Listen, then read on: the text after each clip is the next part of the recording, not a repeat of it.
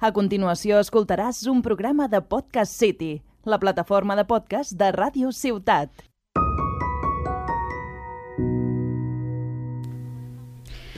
Hola, hola, amics i amigues. Encetem l'últim episodi del Pics Colabis de la temporada i em sembla que en portem 12, si no m'equivoco, Gavino. Doncs sí, de fet ja portem un anyet en el món del podcast, ja matemo, ens està agradant molt, el que va començar com un projecte pilot evolucionat fins a convertir-se ja en un projecte regular a Ràdio Ciutat de Tarragona. Així que, oients, moltes gràcies per seguir-nos i escoltar-nos. Cert, i com que avui acabem la temporada, és moment també de mirar una mica enrere i pensar en tot el que hem viscut aquest any de podcast. Avui teníem una convidada molt especial que per qüestions laborals malauradament no ens pot acompanyar, però no patiu perquè ho hem solventat superbé i vindrà al setembre. I és per això que avui us portem un episodi una mica diferent, una prova pel futur, un Pisco Labis Summer Edition, així l'episodi no serà temàtic, sinó que cadascú ha preparat la seva secció, el que li ha rotat, i no sé si em fa una mica de por tot plegat a veure com quedarà. Podem dir allò de o surt molt bé o surt molt malament. En tot cas, poseu-vos una llimonada natural amb, gen, amb gel, perdoneu, que comencem l'últim capítol de la temporada.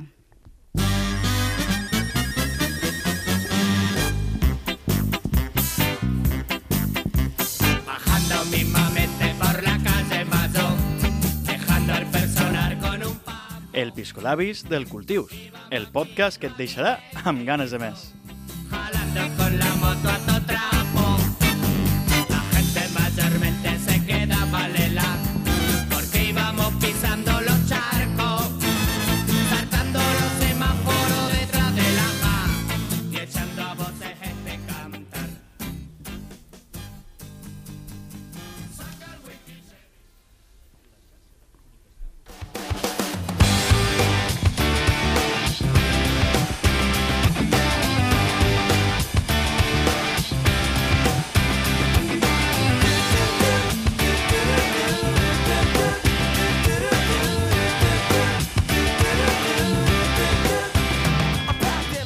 Doncs us he de confessar que m'ha costat decidir-me per un tema.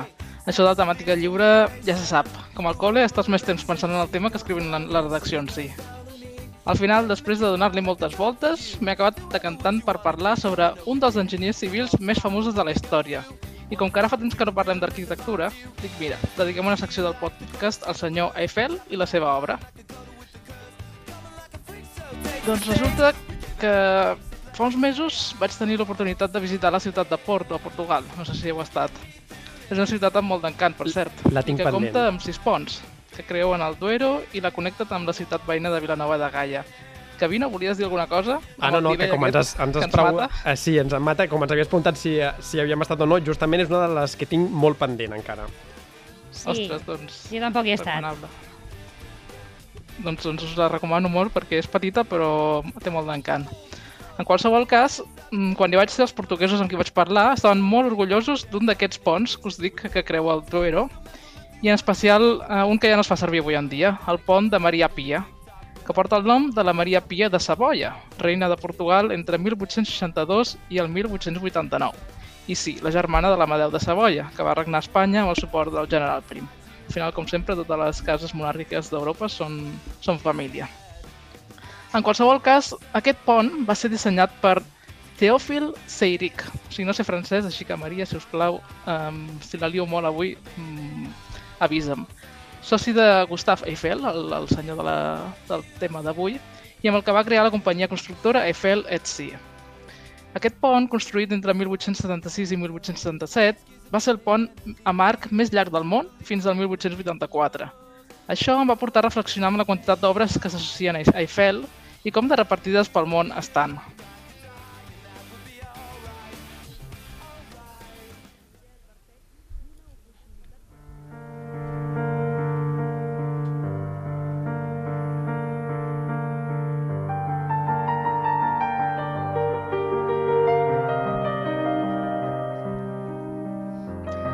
Comencem primer amb unes quantes dades de la seva primera etapa eh, de la vida. Nascut a la ciutat francesa de Dijon, el 1832, Alexandre Gustave Bonnickhausen, dit Eiffel, va ser descendent de migrants alemanys de la regió muntanyosa d'Eiffel, d'aquí el nom, que va adoptar la família més tard. La mare d'Eiffel, poc temps després de donar a llum, va decidir expandir el negoci d'extracció de carbó heredat dels seus pares, amb una part de la distribució.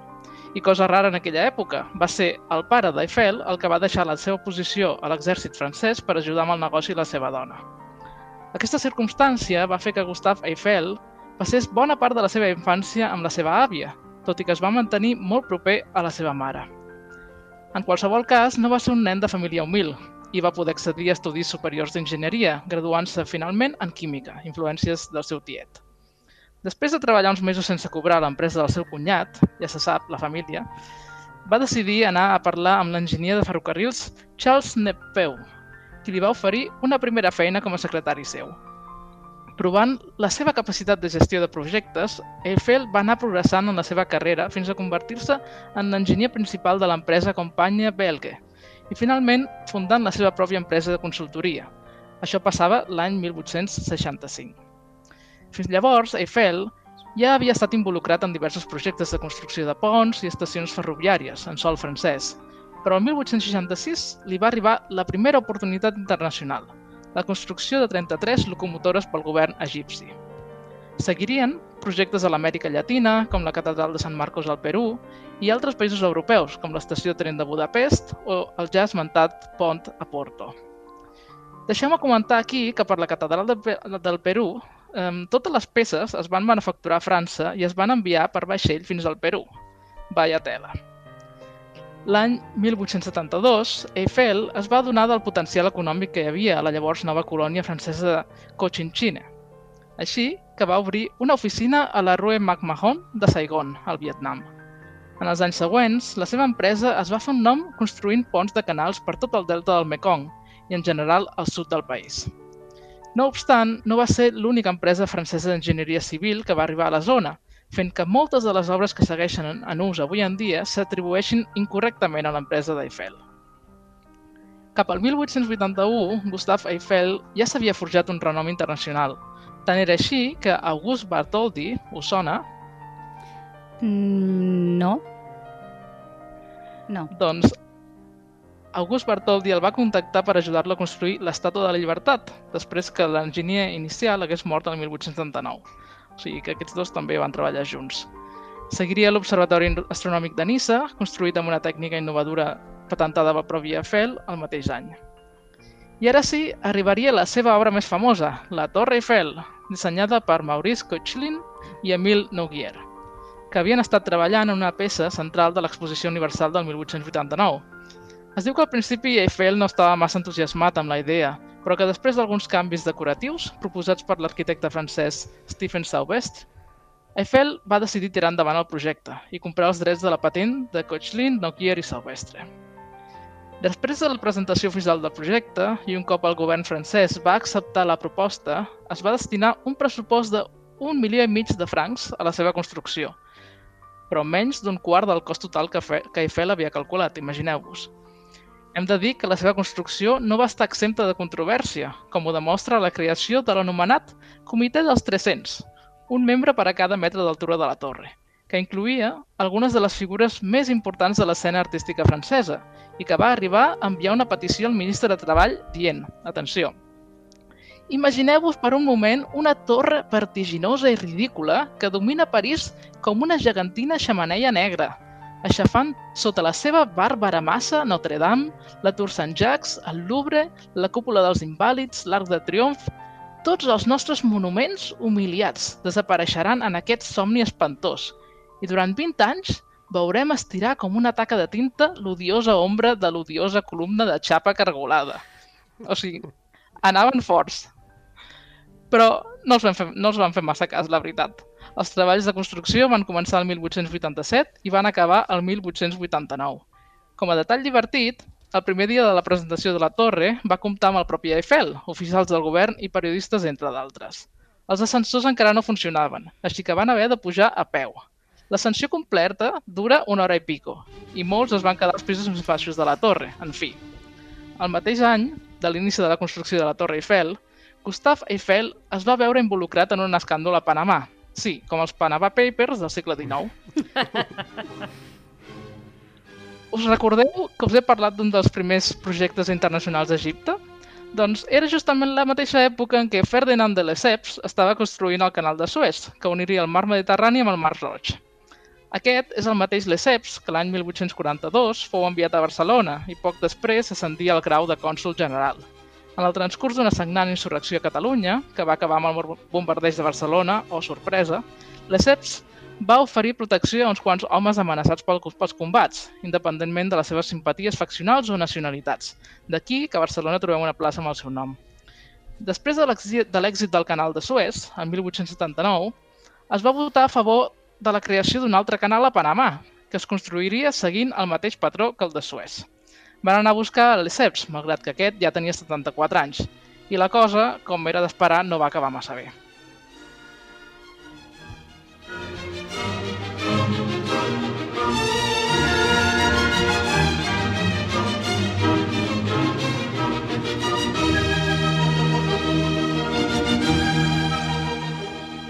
per complicacions diver- diverses, entre les quals es compten dificultats tècniques no previstes o subestimades, esllevissaments recurrents a les excavacions dels turons saturats d'aigua i la mort de molts treballadors per malària i febre groga, van fer que el capital financer s'acabés i que el projecte s'hagués d'abandonar. Un any abans, però, que això passés, i ja buscant alternatives a la desesperada, Eiffel es va involucrar amb el projecte per tal de fer canvis en el pla de construcció, però malgrat, malgrat tot, l'empresa constructora es va declarar en bancarrota. En paral·lel, va començar a circular eh, rumors, en general, que afirmaven que diversos polítics francesos i periodistes havien rebut suborns per votar la transferència d'ajudes públiques al projecte del Canal de Panamà. Lesseps i el seu fill, entre d'altres, van ser declarats culpables i Eiffel també en va sortir esquitxat, malgrat ser només un contractista. Això va afectar greument la seva reputació i va ser condemnat a pagar una multa de 20.000 francs i a dos anys de presó, tot i que el van absoldre en apel·lació. Després d'aquest episodi, Eiffel va dimitir del Consell Directiu de la seva empresa, demanant que el traiessin el seu nom de, de, de l'empresa i dedicant-se a estudis sobre meteorologia i aerodinàmica fins a la seva mort el 1923. I així és com s'acaba la vida d'aquesta figura tan emblemàtica de l'arquitectura de la història mundial, vamos. Déu-n'hi-do.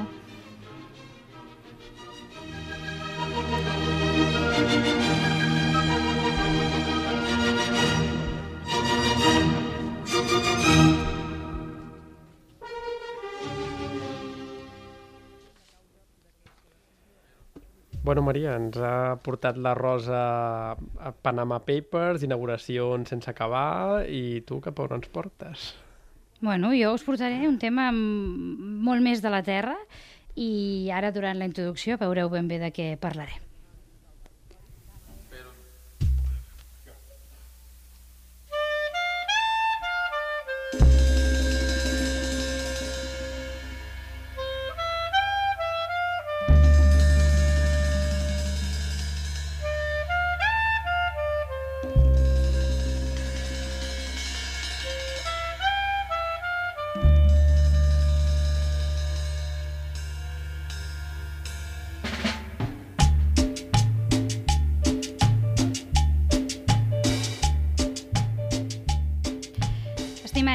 Oients i oientes, sóc la Maria Pérez i la veritat és que em passa una mica com la Rosa i us he de confessar que m'ha costat bastant decidir-me sobre què parlar perquè, bueno, el fet de tenir un tema acota bastant, no?, les possibilitats, però quan et diuen tema lliure, doncs clar, són infinites les possibilitats. Però, bueno, la veritat és que no m'entretinc més, ja sabeu que la meva secció són dones que fan coses. Aquesta temporada he parlat, entre d'altres, de l'Enriqueta Martí, les dones pirates, els mestres de la República, la Verge Maria, la Pepita Ferrer, la Joan Baez, les primeres dones astronautes i cosmonautes... I de què parlaré avui? Doncs una cosa molt de la Terra. Parlaré precisament del paper de la dona a les feines del camp, concretament durant la brema i la recollida de l'oliva, en un període concret que és més o menys al segle XIX i mitjans del segle XX. Comencem. Era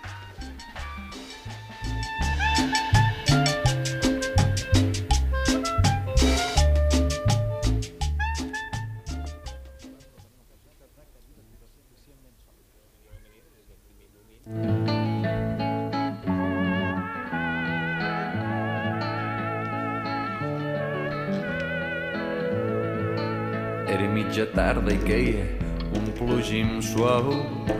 El cel tapat, escuts de cendra i mort, presoners d'un món de possibilitats. de nens podrits per tots els estats. els herois antics. Avui en dia, Gavino, l'agricultura és un dels oficis en detriment de la indústria, per exemple, i els serveis. Per donar-hi unes quantes xifres, segons estadístiques de l'IDCAT de l'any 2021, únicament un 52,9% de la població s'hi dedica, un 49% d'homes i un 7% dones.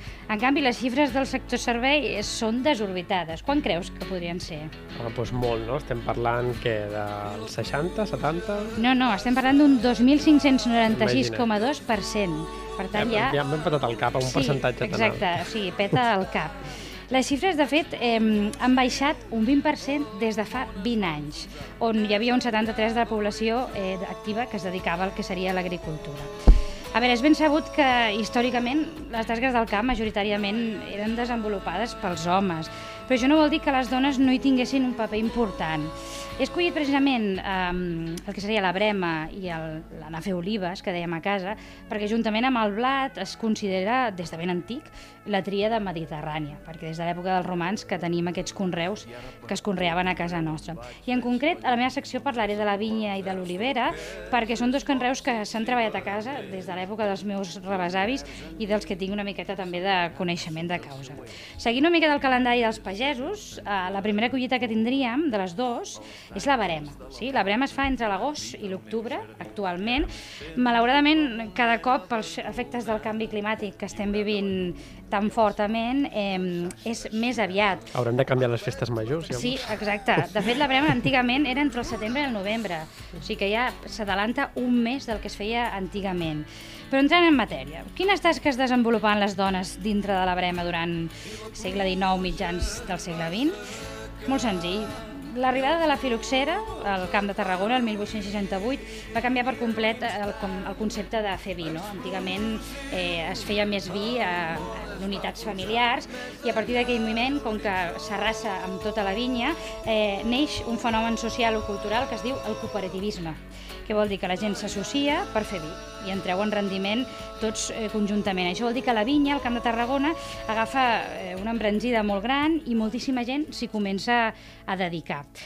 Es pot dir que les feines més físiques, com era, per exemple, la plantació dels ceps, eren fetes per homes. Plantaven el que es diu els serments, que són les branquetes dels ceps, fent mallols, que vol dir per fer vinya nova, o eh, si el terreny era un lloc bo, es, diu, es feia el que es deia capficats, que era enterres un serment perquè hi creixi eh, un cep nou en la zona on no hi havia. D'acord? Eh, la poda de l'octubre, que era la més grossa, ja que venia després de la brema, la realitzaven els homes, però les dones eren les que s'encarregaven de recollir les redoltes. Les redoltes són com la llenya que cau i mm, que són les que no es fan servir. Però sí que es feien servir, per exemple, per fer feixos de llenya i aquestes dones eren les que s'encarregaven de vendre aquests feixos de redoltes als forners, perquè era precisament la llenya que utilitzaven els forns de llenya per fer eh, el pa. No obstant, um, es creu també que les dones podien també dur a terme tasques de poda, tot i que majoritàriament eren més eh, dels homes. És important destacar que una de les tasques que sí que feien eh, les dones era el que s'anomena espampolar. La fulla de la vinya es diu pàmpol, per tant, espampolar, o també dit eh, poda en verd, vol dir que era treure aquelles fulles del cep que podien tapar, com si diguéssim, la llum del sol i que impedien que pogués anar creixent el que seria la flor, que és el, el raïm. Eh, a l'hivern, per exemple, és important destacar que els homes descalçaven els ceps i el que volia dir que era treure tots els terrossos que hi havia al voltant eh, i això es feia bàsicament al primer semestre de l'any. Les dones també eh, participaven en aquest descalçat del cep i també feien una tasca important que es deia l'ensofrat dels ceps, que era precisament tirar sofre per prevenir-los de, de malalties. Se'n feien dos, una a la primavera i l'altra a l'estiu, abans de la brema. I sense cap mena de dubtes, eh, la feina que mobilitzava més les dones era el període de la brema en si, és a dir, la recollida del raïm, que reunia una gran quantitat eh, de dones, també d'homes i també de, de joves i de nens i nenes. L'elaboració del vi, una vegada s'havia fet la, la brema, sí que hi era una tasca més masculina, tot i que les, domen, les dones ajudaven a fer una tasca que es deia trascolar-lo, que volia dir passar el vi del cup, un cop feta la primera fermentació, cap a les botes per fer les, les altres eh, fermentacions.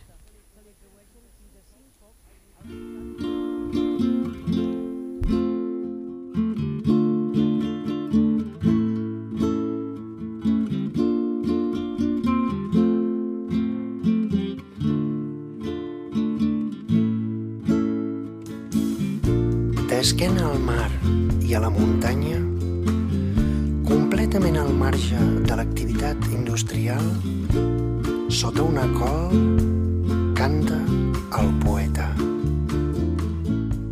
He parlat de la brema, que és com si la primera recollida que ve, però ara parlarem una mica de, de la recollida de l'oliva. A casa meva en diem anar a l'oliva o anar a fer olives. No diem collir olives, tot i que també és un verb que es fa servir bastant popularment. La collita de l'oliva antigament oscil·lava entre els mesos d'octubre i febrer, també depèn una mica del territori, si era més fred o no era tan fred. Per tant, estem parlant de que es collien unes condicions climàtiques bastant dures, és a dir, de força fred. La collita d'oliva mobilitzava a totes les masies, homes, dones, els més joves de la casa i també els més grans. Les olives es feien caure de l'arbre amb les mans, és a dir, un verb que es diu esmunyir o escarrar, d'acord? I després es replegaven del terra a mà o amb un raspall o rasclet, procurant no deixar-ne eh, cap. Aquesta tasca de recollir les olives del terra era una tasca majoritàriament que feien les dones i feien els nens. Els homes es dedicaven més aviat al que hem dit abans, a escarrar o a collir, mentre que elles duien a terme la plega d'aquestes olives. Eh, Gavino, no sé si tens al cap una miqueta com és la collita de l'oliva.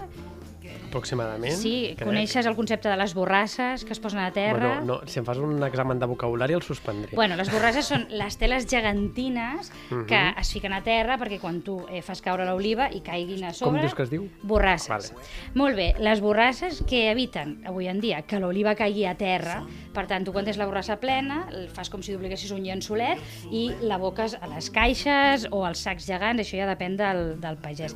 Molt bé, en aquesta època en la qual estem parlant no hi havia borrasses.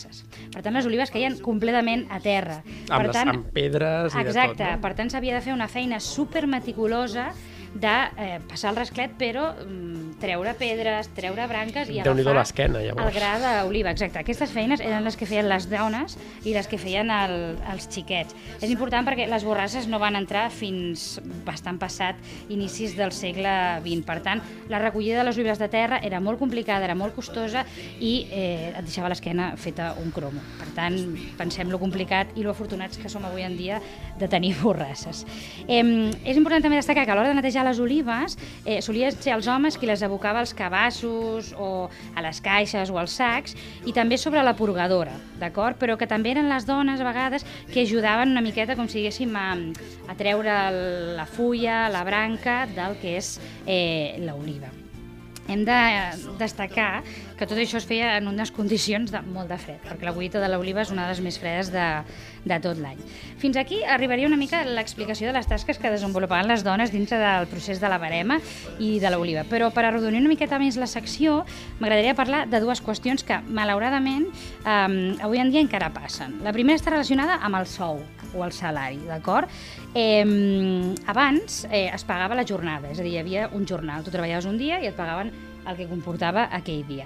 Doncs, eh, com continua passant avui en dia, les dones cobraven menys eh, que els homes, tot i que moltes vegades feien les mateixes tasques eh, i treballaven les mateixes hores. Perquè us feu una idea, eh, quan creus que podia cobrar un home al dia? Pensa que estem parlant del segle XIX, No segle sé, XX. molt poc, però és que lamentablement crec que actualment no deuen cobrar gaire més. Aquest és el Mm, No es, es lamentable- cobra més, però eh, si féssim els- una equiparació, sí, sí, els seria igual de collidors lamentable exacte, el, el els preu. collidors de fruita en general... Cobren molt poc. Per això mm, hi ha pocs collidors de fruita que siguin d'aquí i Quines sempre s'ha de recórrer sí, a sí. gent estrangera. Llavors, els homes cobraven dos pessetes i mitja al dia. Però clar, les dones en cobraven una i mig. A total només es destrossaven l'esquena. Sí, clar. a mi em costa molt avui en dia em, pensar en pessetes ja, però encara em costa més imaginar-me el que era cobrar dos pessetes i mitja al dia, no? perquè com que no sabem ben bé com funcionaven els barems econòmics, és, és complicat, no? Eh, tot i que diré que a vegades encara faig la conversió d'euro a pessetes per veure si m'estic Per gastant... segons quines coses, sí, no? per saber si m'estic gastant molts diners ho faig. L'altre tema que volia destacar, per acabar, és que les dones treballaven de sol a sol al camp, però també havien de fer les feines domèstiques. Treballaven als horts que hi havia a les masies, eh, s'encarregaven de cuidar el bestiar petit, és a dir, aus, conills, porcs, etc. I tot això eh, ho havien de combinar amb la maternitat, també.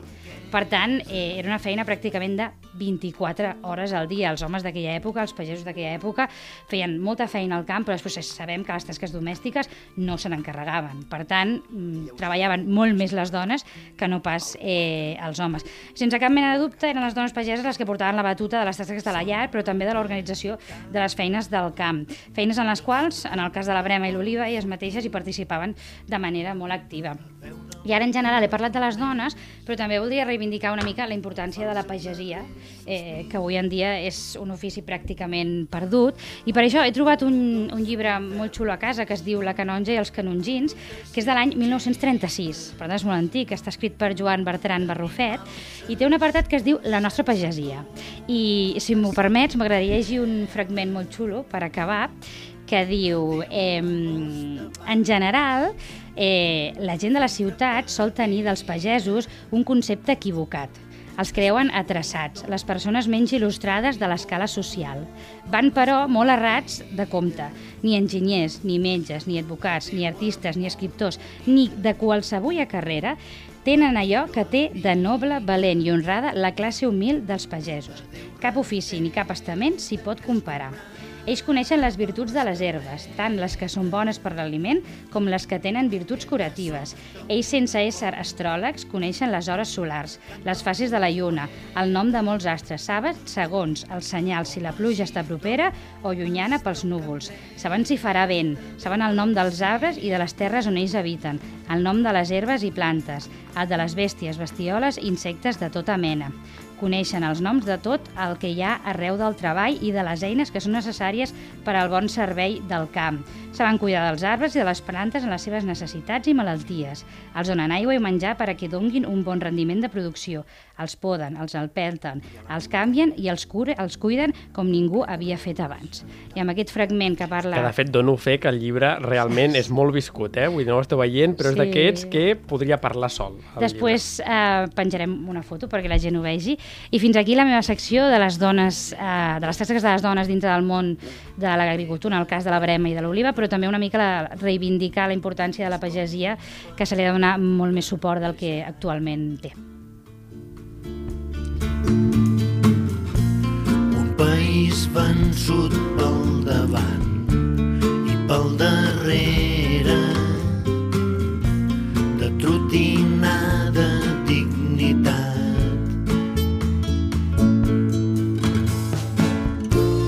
Adeu turons amics, adeu rieres, boscos d'alzines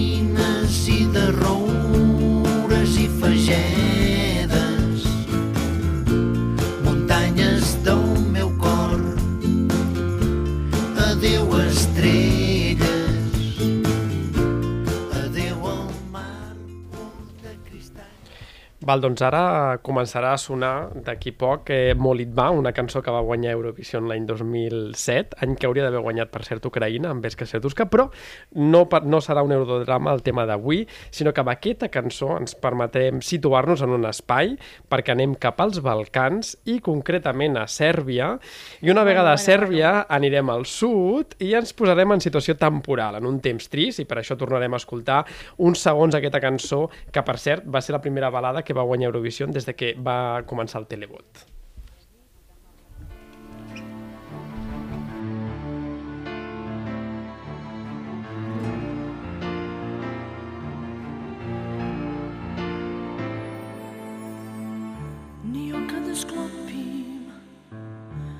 Postelja prazna, terasan A život se topi nestaje brzo ko dlanom od dlan Ko razum da kupim Estem a Niš, una ciutat del sud de Sèrbia. No sé si la Rosa i la Guio ja saben per on vaig. Sí, eh? sí, Eh, sí, Us potser sona? sí, potser potser sí. sí. Eh, em deixeu explicar prou breument que Niš és la segona ciutat més poblada de Sèrbia i està habitada des d'abans de l'arribada dels romans, ja al segle I abans de la nostra era.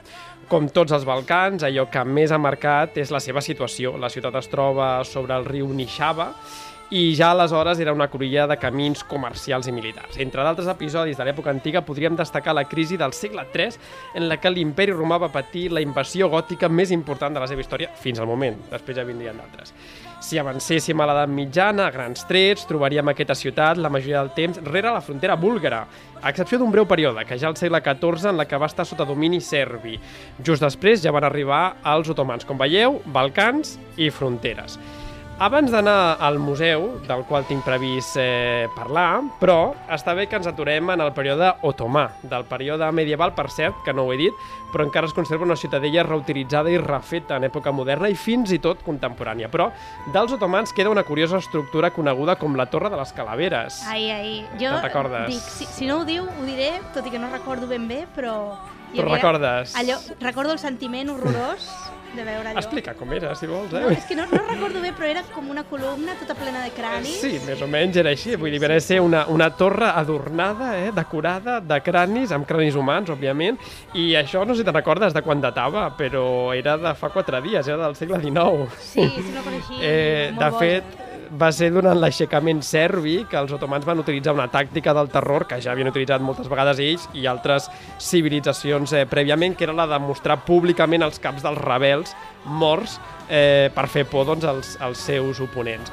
Val a dir, però, que els cranis que encara es poden veure no van ser assassinats pels otomans, o això explica la historiografia local, no? Ells diuen que realment es van suïcidar, o si ah. més no, que els va matar al cap, o sigui, que va ficar una bomba al, al seu propi jefe serbi per dir, així no nos matan los otomanos. Ah, ah, ah. I així tampoc no ens exposaran, però bueno, exposats han seguit i ja porten allí més de 200 anys allí, allí exposats. Bé, estic parlant d'un tema de sang i encara em posaré més intens perquè ara sí avancem una mica més d'un segle, Segona Guerra Mundial, i anem al camp de concentració de la Creu Roja de Nice. Bueno, ara ens faltarà una, una musiqueta, ens falta la següent música, un segonet, problemes tècnics. Bueno, per si cert, no- apro aprofito per dir Vinga, aprofita. que sóc la Guiomar. Que Ah, clar, perquè he estat parlant amb la Maria tota l'estona. Què ha passat? Com és que No, estàs perquè aquí? eh, eh, temes de conciliació, eh, eh, he tingut que venir amb el meu bebito i llavors eh, la primera part del programa he estat jo amb ell i ara ens hem canviat i la Maria està amb el bebito, que ens estan saludant des de fora a la peixera. Hola. I, i mentrestant, doncs... Bueno, doncs mentrestant, ara quan soni... Sí. Ara, ara ens la fiquen. Ara sonarà. Ah, ara. Vale. Pu- Punt negatiu, eh? Punt negatiu pel Lluís. Bé, està sonant, acabo de dir, bueno, fa una estona que he parlat d'un camp de concentració i he ficat aquesta música. No és que m'hagi tornat boig, Rosa i Guió, per què estic il·lustrant un camp de concentració amb un temazo discotequero serbi? No sé. No recordes? Recordes que de forma prèvia a la visita a aquest eh, camp de concentració El que ens va passar. el que ens va passar, Bueno, que- vam arribar amb unes condicions una mica... Nosaltres havia, estàvem com en una mena d'Airbnb. Bueno, era Sobes, no? Ara, sí, seria com un Airbnb actual, però bueno, serien... Aquestes Sobes són com...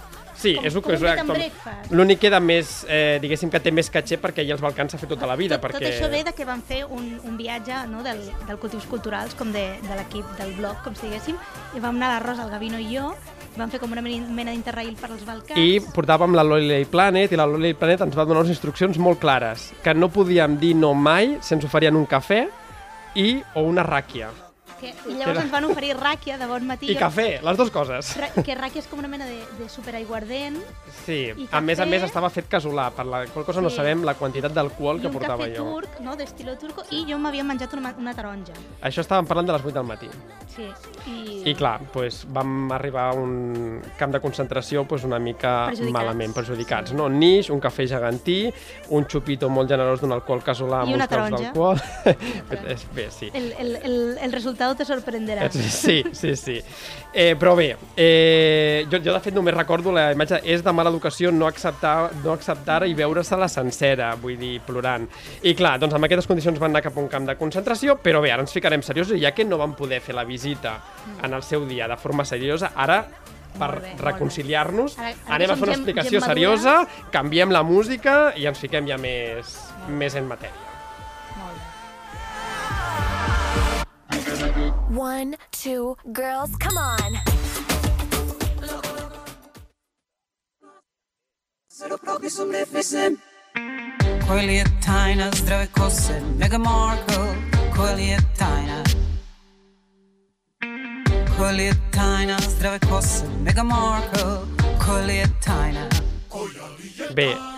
camp de concentració de la Creu Roja va ser un camp de concentració ubicat a la zona industrial de la ciutat sèrbia de Niš. Va ser operat per l'Alemanya nazi durant la Segona Guerra Mundial. El camp va funcionar des del 1941 fins a l'alliberament de Niš per part dels partisans jugoslaus al 1944. Actualment es pot visitar, com ja dèiem, ja que està transformat en un museu i, a més a més, si teniu la sort, us podrà explicar alguna familiar de persones que van estar tancades tancades allà. De fet, s'estima que 30.000 persones van passar per aquest camp i 12.000 van ser executades. Tot i així, molts dels seus reclusos van ser traslladats a altres camps al llarg de l'Europa ocupada, per allò d'intentar evitar revoltes civils internes o externes dins o fora del, del camp. Entre les víctimes cal incloure jueus, gitanos, de fet van matar uns 300, i sobretot membres o simpatitzants del Partit Comunista de Iugoslàvia, els presoners de guerra partisans i els seus familiars. És especialment interessant de visitar-lo perquè permet fer-se una idea de la brutalitat nazi. De vegades se'ns oblida que existeixen centenars de camps de concentració i d'extermini al llarg de tota l'Europa ocupada.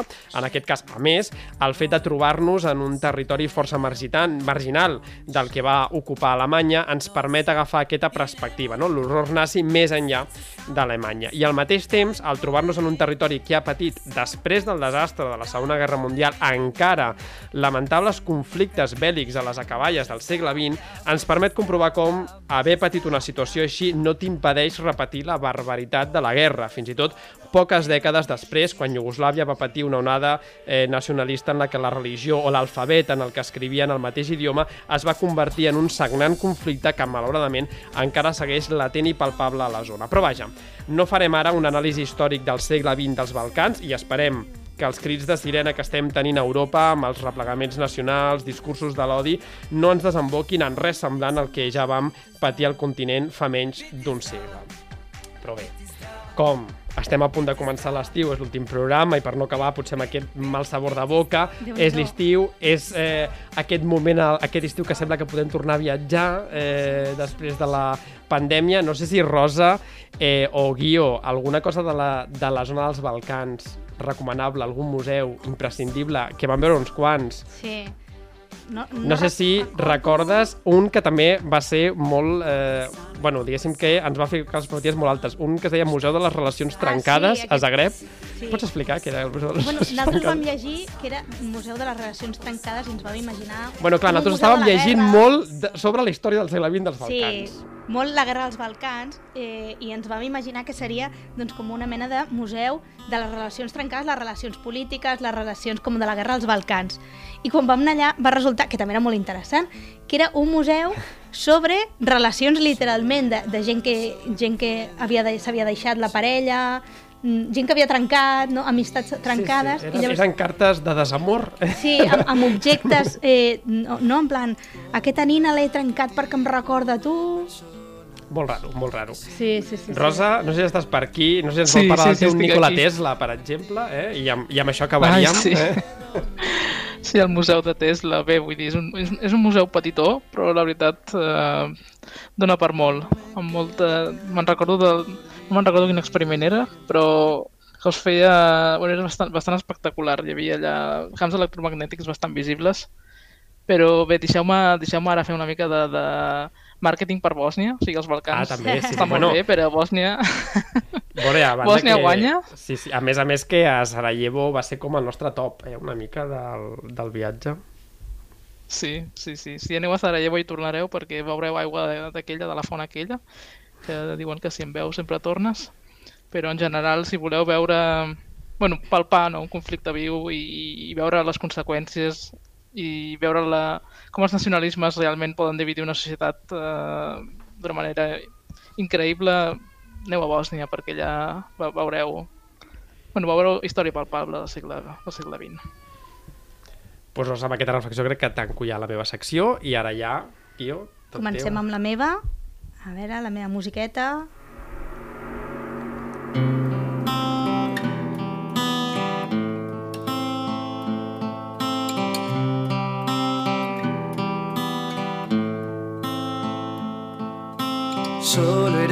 Las once de la noche y ya andaba solo por Pekín. Bueno, bueno, començo la meva secció, l'última secció de la temporada, eh, i us vinc a recomanar un documental. Veus que bé? A veure. Eh, aquests dies he estat veient una sèrie documental a Disney Plus, o Disney Plus, no sabria dir. Eh, partim d'aquí, us explicaré de què va, no? i bàsicament d'això serà la meva secció. Eh, però tranquils, que no us ho explicaré tot perquè podeu anar a veure-la, perquè és una sèrie documental d'aquestes... Si amb- fas spoilers has d'avisar. el- Vale, avisaré, avisaré dels spoilers. ah, exacte. Molt bé, llavors, eh, és una sèrie documental a Disney Plus, de què pot anar? Bueno, Bueno, clar, no sé, no tinc Disney Plus, però clar, Disney Plus és Disney, no? Disney és oh, Disney. però és que clar, a Disney Plus hi ha fins i tot National Geographic, Clar, o sigui, podria anar de tot. Disney ha canviat molt. Clar, clar, clar. Té clar. Star Wars, no? També ara. Sí, ha Star Wars. clar, I Marvel, ja també. És, és altra cosa. Clar, ja. clar, clar, Disney clar. és altra cosa. Exacte. Bueno, jo en aquest cas us parlo dels Imagineering. Espero que ho tornaré a dir. Imagineering. Imagineering. El documental es diu així, eh? I són dues paraules unides que són imaginació i enginyer.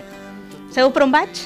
Eh, no, o sigui, és que ni idea. Vale, vale, Ara mateix vale. estic molt perdut. Vale. Uh, veiem, canviem de música, que us he posat unes musiquetes així Disney per ambientar. I...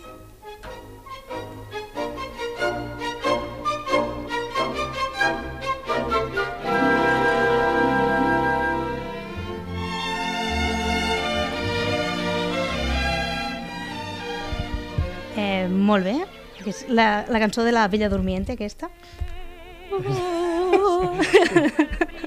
bueno, la primera pel·li Disney és la Blancaneus, vale? tot i que aquesta cançó és la cançó de la Bella Dormiente. Però t'anava a dir, dic, que em No. sembla que t'has equivocat, jo. la primera pel·li Disney és la Blancaneus als anys 30. A partir d'aquí van anar fent pel·lis i pel·lis, bueno, La gent encantada, Èxit rotund, bueno, tot això ja ho sabem. El tema és que cap als anys 50, sobretot després de la Segona Guerra Mundial, la gent estava com trista, ah, no? A veure si l'haver fet, tingut una guerra no? pot influir.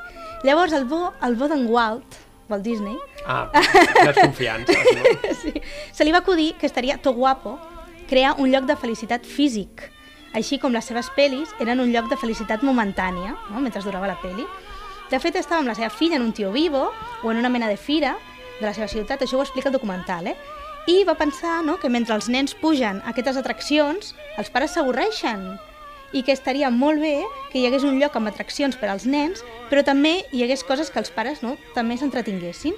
I així és com va néixer la idea de Disneyland, que va ser el primer parc al 1955 a Califòrnia.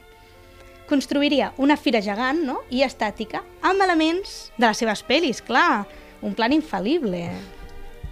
Llavors, a veure, aquella paraula que has dit, imaginers, aquesta, eh, què? Això què? Ara va, ara va, ara va, ara va.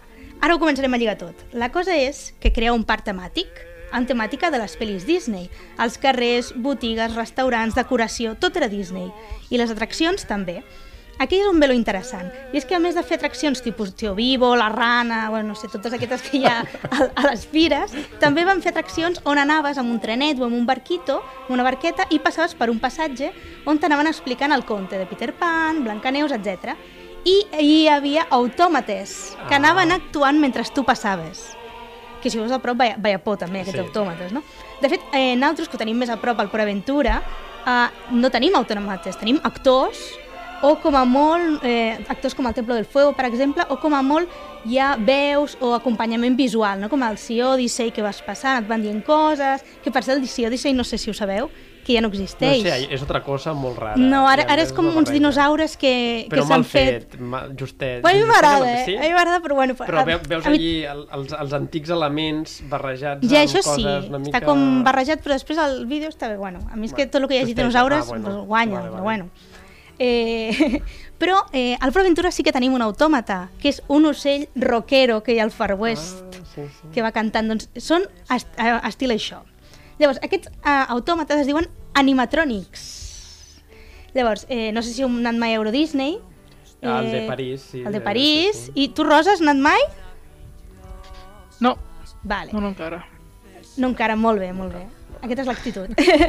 eh, doncs són uns robots super ben fets, vale? quan vaig anar la primera vegada, bueno, n'he anat dos, però la segona era adolescent, llavors no compta, però quan vaig anar el primer cop que tenia 6 anys, recordo que l'atracció dels pirates em, em vaig morir de por. Eh, de fet, es pot veure a YouTube, perquè ara, actualment, a YouTube pots ficar un munt de... Un, pots ficar atracció tal i la veus, vull dir que, si voleu. Eh, total, que aquesta atracció eh, hi havia tot de pirates que t'anaven parlant i tal, i eren autòmates molt ben fets i feien bastanta por, recordo de petita molta por, i de fet és l'atracció de Pirates del Caribe, abans de que es fes la peli, és a dir, és potser el primer cop que la peli es fa en base a una atracció i no al revés. És curiós això. Molt bé. Ara canviarem la musiqueta. He, A veure, a veure on ens portes ara amb la Bueno, música. és Disney tota l'estona, eh? Vull dir-ho... Ho he ficat així com per ambientar. Bueno, doncs, amb aquesta... Ah, és veritat, és la Ah, segona ja. sonant, sí, és veritat. No res, no res, no res, coses És que són nostres. totes molt iguals, Per, eh, perquè, Guiomar? no, a veure, us explico. He fet una tria molt suau per tenir perquè no fos molt, molt histriònic, llavors ho he, fet, ho he fet així a posta, perdoneu, perdoneu.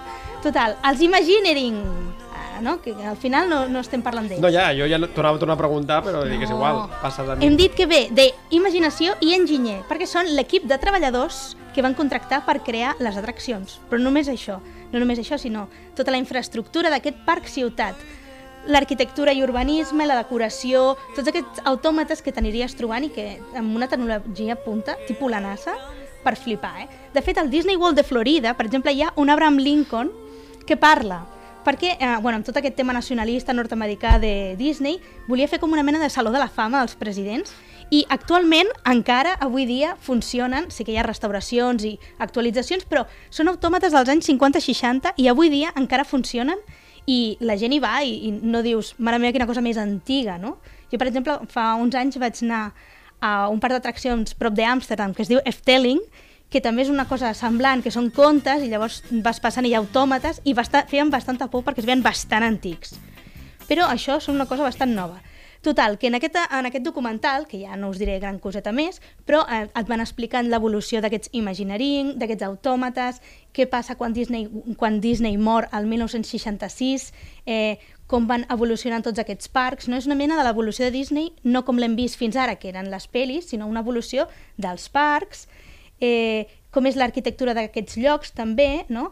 Eh, al final és un urbanisme més aviat europeu, perquè té places, té grans avingudes, té un trenet que et va Un cuento de hadas. un cuento de hadas, però té un trenet que et porta d'un lloc a l'altre, no? perquè als Estats Units, per exemple, no tenen cascs antics, no tenen, eh, no tenen Transport públic. transport públic. Llavors és com, com, era com una idea idealitzada de oh, la gran ciutat del futur que podrem anar amb tren. I era com, bueno... I... És just com ha evolucionat als Estats Units, eh? Tal sí, tal qual.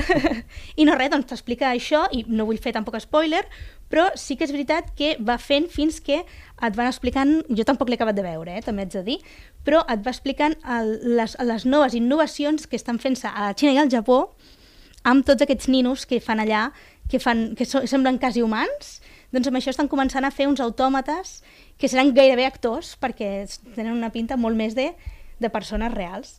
I no res, mireu el documental, que està molt bé, i és una part interessant de Disney que jo almenys no coneixia, i és molt interessant. I no res, amb això acabem.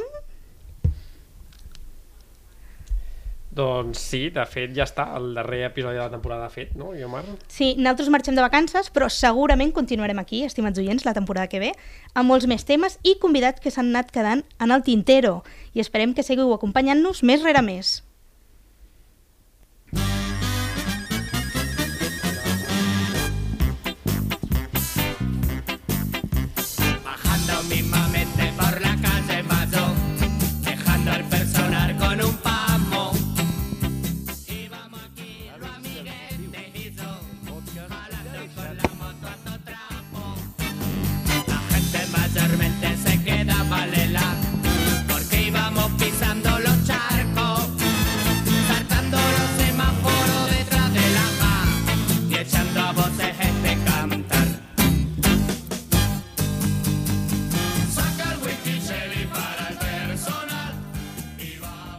Has escoltat un programa de Podcast City, la plataforma de podcast de Ràdio Ciutat.